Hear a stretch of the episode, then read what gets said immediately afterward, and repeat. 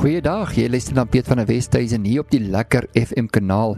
Dis 98.3 op jou radio en vanaf jou slimfoon of jou tablet of jou rekenaar kan jy inskakel by ons webwerf www.lekkerfm.com en dan kan jy klik daar op die luister nou knoppie of jy kan ook uh, die oggendoordenkings gaan aflaai daar op die potgooi skakel en dan klik op die oggendoordenkings en van maandag tot vandag gesels ek met jou oor 'n beplanning vir jou lewe om doelstellings uh, saam te stel en van daardie punt af jou lewe te begin bou en daaraan te werk.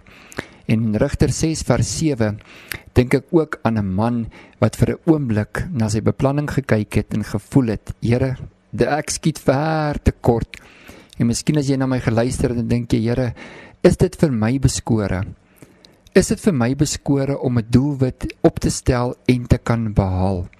Nou ja, God beveel vir Gideon om 'n leer op die been te bring. Gideon kry 32000 soldate bymekaar. Maar daar is 'n leer van 135000 mans wat teen Israel opkom. En nogtans sê God vir Gideon: "Nee, hierdie ouens is te veel." Hoekom het God so gesê? Wel, Ek dink God is besig om vir hulle te leer dat al doen hulle wat hulle kan doen, is God die finale krag in hulle lewe. En daarom sê God vir Gideon: Almal wat bang is, laat hulle maar huis toe gaan. En die oomblik toe Gideon dit sê, toe gaan daar 22000 van die 32000 soldate huis toe. Hy het net 10000 manne oorgehad om teen daardie 135000 soldate te veg. En toe sê God weer: "Nee, hierdie ouens is te veel." Ehm, um, vra vir die mans om hier by die stroompie te kom water drink en almal huis toe te stuur wat hulle gesigte tot by die water bring om te drink. Ek sal jou die oorwinning gee met die 300 mans wat bly rondkyk en terwyl hulle gedrink het, beloof God dat hierdie mans die oorwinning sal inbring. Dis dan 'n groot saak as jy dink 135000 en net 300 mans bly oor om hierdie taak te kan aanpak.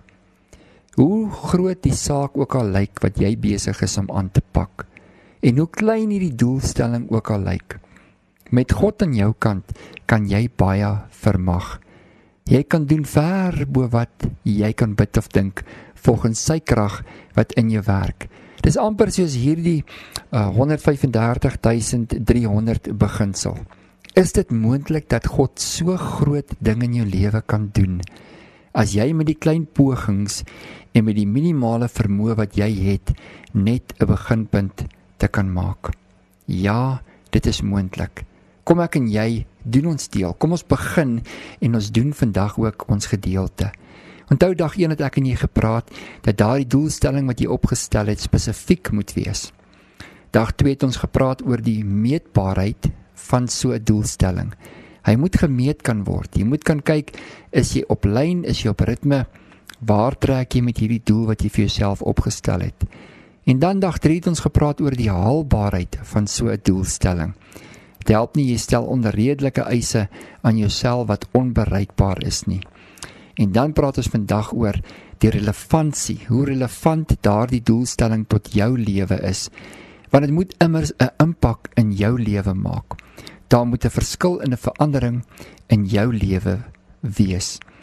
Ander het dalk ander doelstellings wat vir hulle laat voel dat hulle het 'n hoogtepunt bereik of hulle bereik iets vir hulle self.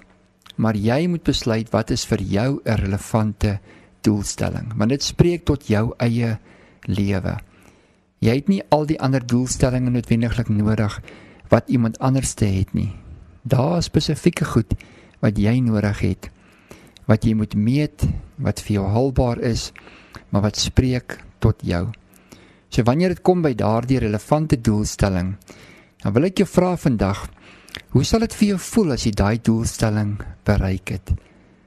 Watse waarde sal dit tot jou lewe toevoeg om daardie doel te kan bereik wat jy vir jouself opstel? Dink vir 'n oombliekie bietjie daaraan. Miskien moet jy sommer daar waar jy hulle nou neergeskryf het al die daardie doelstellings langs elkeen skryf. Wat sal met jou gebeur wanneer jy daai doel bereik? Watse voordeel sal dit vir jou in jou lewe gee? Neem die tyd vandag, maak 'n oombliekie En dan gaan skryf jy langs elke doelstelling neer. Wat sal dit in jou lewe verander? Wat sal met jou gebeur wanneer jy daai doel bereik? En dan op 'n ander bladsy kan jy daai doelstellings weer neerskryf. En dan kan jy jouself vra wat sal die effek wees as ek my doel bereik het in ander mense om my?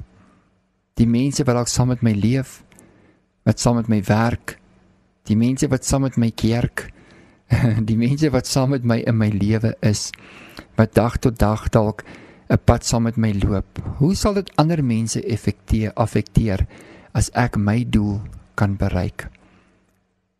Goed. Die derde een is elke punt wat ek in my lewe aanpak, impakteer ook my samelewing. Met ander woorde my gemeenskap, die samelewing. Ons aksies beïnvloed die wêreld waarin ek en jy leef. Dit affekteer die wêreld waarin ek en jy leef. So hoe sal die bereiking van daardie doelstellings jou wêreld om jou verander en impakteer? Identifiseer weer bietjie daar by daardie doelstellings. Wat sal wat sal die wêreld om jou ervaar en beleef wanneer jy jou doelstellings verander en bereik? Dan die vierde punt vandag onder wat relevant is vir jou lewe is die natuur. Sal jou aksies bou of breek in daardie plek waar God jou gestel het? Daardie plekkie wat God spesiaal vir jou gegee het. Sal dit bou of sal dit breek? Jy sien daar is meer as een manier hoe jy kan bereik wat jy graag wil bereik. En wanneer jy daardie plan begin deurvoer, dan sal jy sien baie keer faal 'n mens. Jy slaag nie altyd nie. Jy's ook nie altyd lus om te doen wat jy moet doen om te kan bereik wat jy wil bereik nie. Maar dit gaan nie oor ons lus nie. Dit gaan nie oor ehm um, voel ek om dit te doen nie. Jy sien wanneer jy 'n doelstelling opgestel het, dan is dit relevant tot iets baie groter as net jou gevoel. So wees oop vir ander idees en maniere hoe jy daardie doelstelling kan bereik. En as jy hulp moet inkry, dan kry jy hulp in om jou te help om daai doelstelling te kan bereik. Onthou net jy's besig om jou lewe te beïnvloed. Jy's besig om jou lewe te verander en te verryk. En daardeur kan jy ook ander mense se lewens verander en bereik. Daardeur kan jy ook 'n toevoeging tot jou samelewing maak waarin jy is. Jy kan 'n verskil maak in daardie plek waar God jou aangestel het as jy seker maak dat jy doen wat God vir jou vra wat nodig is om gedoen te word. Jy kan jou doel bereik as jy jouself daarvoor gee. As jy jouself daartoe verbind. Maak daardie ooreenkoms met jouself. Kry iemand in jou lewe om jou ook aanspreeklik daartoe te hou om so af en toe vir jou te vra, "Hoe gaan dit met jou doelstelling?" Hoe gaan dit hierdie jaar met die plan wat jy opgestel het? Stel iemand aan in jou lewe om jou daardie vraag van tyd tot tyd te vra. En onthou net, stel vir jouself bereikbare doelstellings op. Doelstellings wat komplementeer wie en wat jy is. En doelstellings wat ook uitdagend is. Dit help nie ons stel doelstellings op en dit verander niks in ons lewe nie. So as jy agterkom dat jy het eh, 'n uh, bepaalde merkpunt in 'n doelstelling bereik, verhoog maar net die standaard. Skuif net die lyntjie bietjie verder vorentoe vir jou, want dan bes besef jy ook seker vir jouself dat jy kan dit bereik, dit is moontlik. Miskien het jy dit vinniger bereik. Miskien het jy groter happies gevat as wat jy gedink het jy in staat is. Miskien het jou klein treetjies wat jy geword groot uitgerekte tree ge geword. Miskien het daai klaar daai stadige slakke pas ook in 'n hasie ritme in jou lewe ontwikkel. Hoe dit ook al sê, stel die heeltyd vir jouself daardie merk voor in die pad. Want wanneer jy 'n doelstelling opstel wat binne jou bereik is, dan gaan jy dit kan bereik. Hoe lank dit jou ook al vat, hoeveel moeite of hoeveel insette dit van jou kant af ook mag lewer, jy kan dit doen kry die hulp in wat jy nodig het om daai relevante doelstelling in jou lewe te kan bereik. Jy sien jy het keuses. Alles gaan gepaard met keuses. Jy doen nie hierdie omdat jy dit moet doen nie. Jy doen dit omdat jy dit wil doen. Jy doen dit omdat dit realisties is en omdat dit binne jou bereik is om dit te kan doen. Jy verbind jouself tot hierdie stappe nie net van hoop en van geloof nie, maar jy verbind jouself daartoe omdat jy weet dis my keuse. Jy kan enige stadium ophou. Maar as jy ophou, is dit amper soos wanneer jy 'n golfbal net te kort van die gat speel. Altyd net te sag, altyd net te sag. Te sag kan jy nooit tot by die opening van die gat bring nie. Soms moet jy net 'n bietjie meer krag in daardie golfstok sit sodat die balletjie net bietjie verder kan gaan. As jy hom kort speel, gaan hy altyd kort wees. As jy kort van geloof is, gaan jy altyd kort van die manifestasie van daardie geloof ook wees. Maar God stel jou in staat tot baie meer as net die bietjie van die vermoë wat jy kan sien en wat jy dink jy in jou het. Onthou, 135000 man staan teenoor 300. Wat is dit in 'n oorlog? En dan dink ek aan die skrif wat ons gelees het op dag 1. Die perd word reggemaak vir die oorlog, maar die oorwinning kom van die Here. Jy sien dit is daardie ding.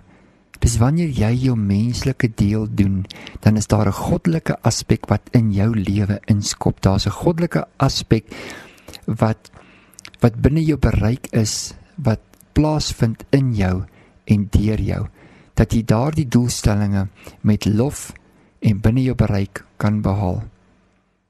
Onthou ook dan hierdie doelstellings wat jy het, dis die doelstellings wat jy wil bereik. Jy hou aan werk daaraan. Dis niemand anders se verantwoordelikheid om daardie doelstelling te bereik nie. Jy neem dit as jou eie. Jy neem eienaarskap oor daardie doelstellings wat jy opgestel het, want jy wil dit bereik en jy weet jy kan dit bereik. Die ding met 'n doelstelling is dat dit bring daardie oorwinningspunt in jou lewe. Dat jy vir jouself kan sê, ek het klein oorwinningkies gehad. Onthou jy vir Dawid in die veld saam met sy skapies. Daar met sy harp tussen die blerende wol vleisies wat om hom beweeg heeldag. Daar het hy geleer om God te vertrou. Daar het hy geoefen wat hy kan maak met 'n klippie in sy slingervel. En toe hy daardie dag voor die groot reus Goliat te stand kom, Toe het hy klaar vertroue in God gehad, maar hy het ook geweet wat is die vermoë wat hy het met 'n slingervel en 'n klippie daarin. Ja, hy het ook 'n paar bygeneem want Goliat het boeties ook gehad. En as hulle nie so gevlug het na daardie eerste klip nie, dan wonder ek of die ander klippies ook al reeds opgelyn was in Dawid se slingervel om met hulle ook te deel. Wat was die verskil tussen Dawid en al die ander oorlogsoldate wat daardie dag op die front gestaan het en na hierdie Goliat gekyk het en geluister het. Ek dink die verskil was daai stap van gehoorsaamheid. Die ontdekking wat Dawid gedoen het wat in hom was. Daardie klein oorwinnings wat hy kon opsteen in daardie dag toe hy 'n groter oorwinning moes behaal het. Daardie dag toe hy met 'n nuwe oppositie ehm um, teekom. Daardie dag toe hy vir Goliat in die oë moet staar en besef ek het nog nooit 'n Goliat met hierdie klippie geskiet nie. Hy het dalk die teikens daar in die veld daarmee beoefen. Hy het dalk 'n dier of twee al met daardie klippie getref. Maar op hierdie dag sal hy hom net mooi plaas daar onder die valhelm, daar op daardie sagte plekkie wat 'n dodelike effek in Goliat se lewe sal kan hê. Jy kan God vertrou met die klein klippies van jou daaglikse pogings om daai doelwit te kan bereik, want dit is binne jou bereik. Kom ek bid saam. Vader, dankie vir die krag wat U ons gegee het om die bietjie te kan doen wat binne ons vermoë is en bereikbaar is om te kan doen. Van deur dit, Vader, doen U ook al die ander dinge wat vir ons nie moontlik is om te doen nie. Ons sê vir U daarvoor baie dankie in Jesus naam. Amen.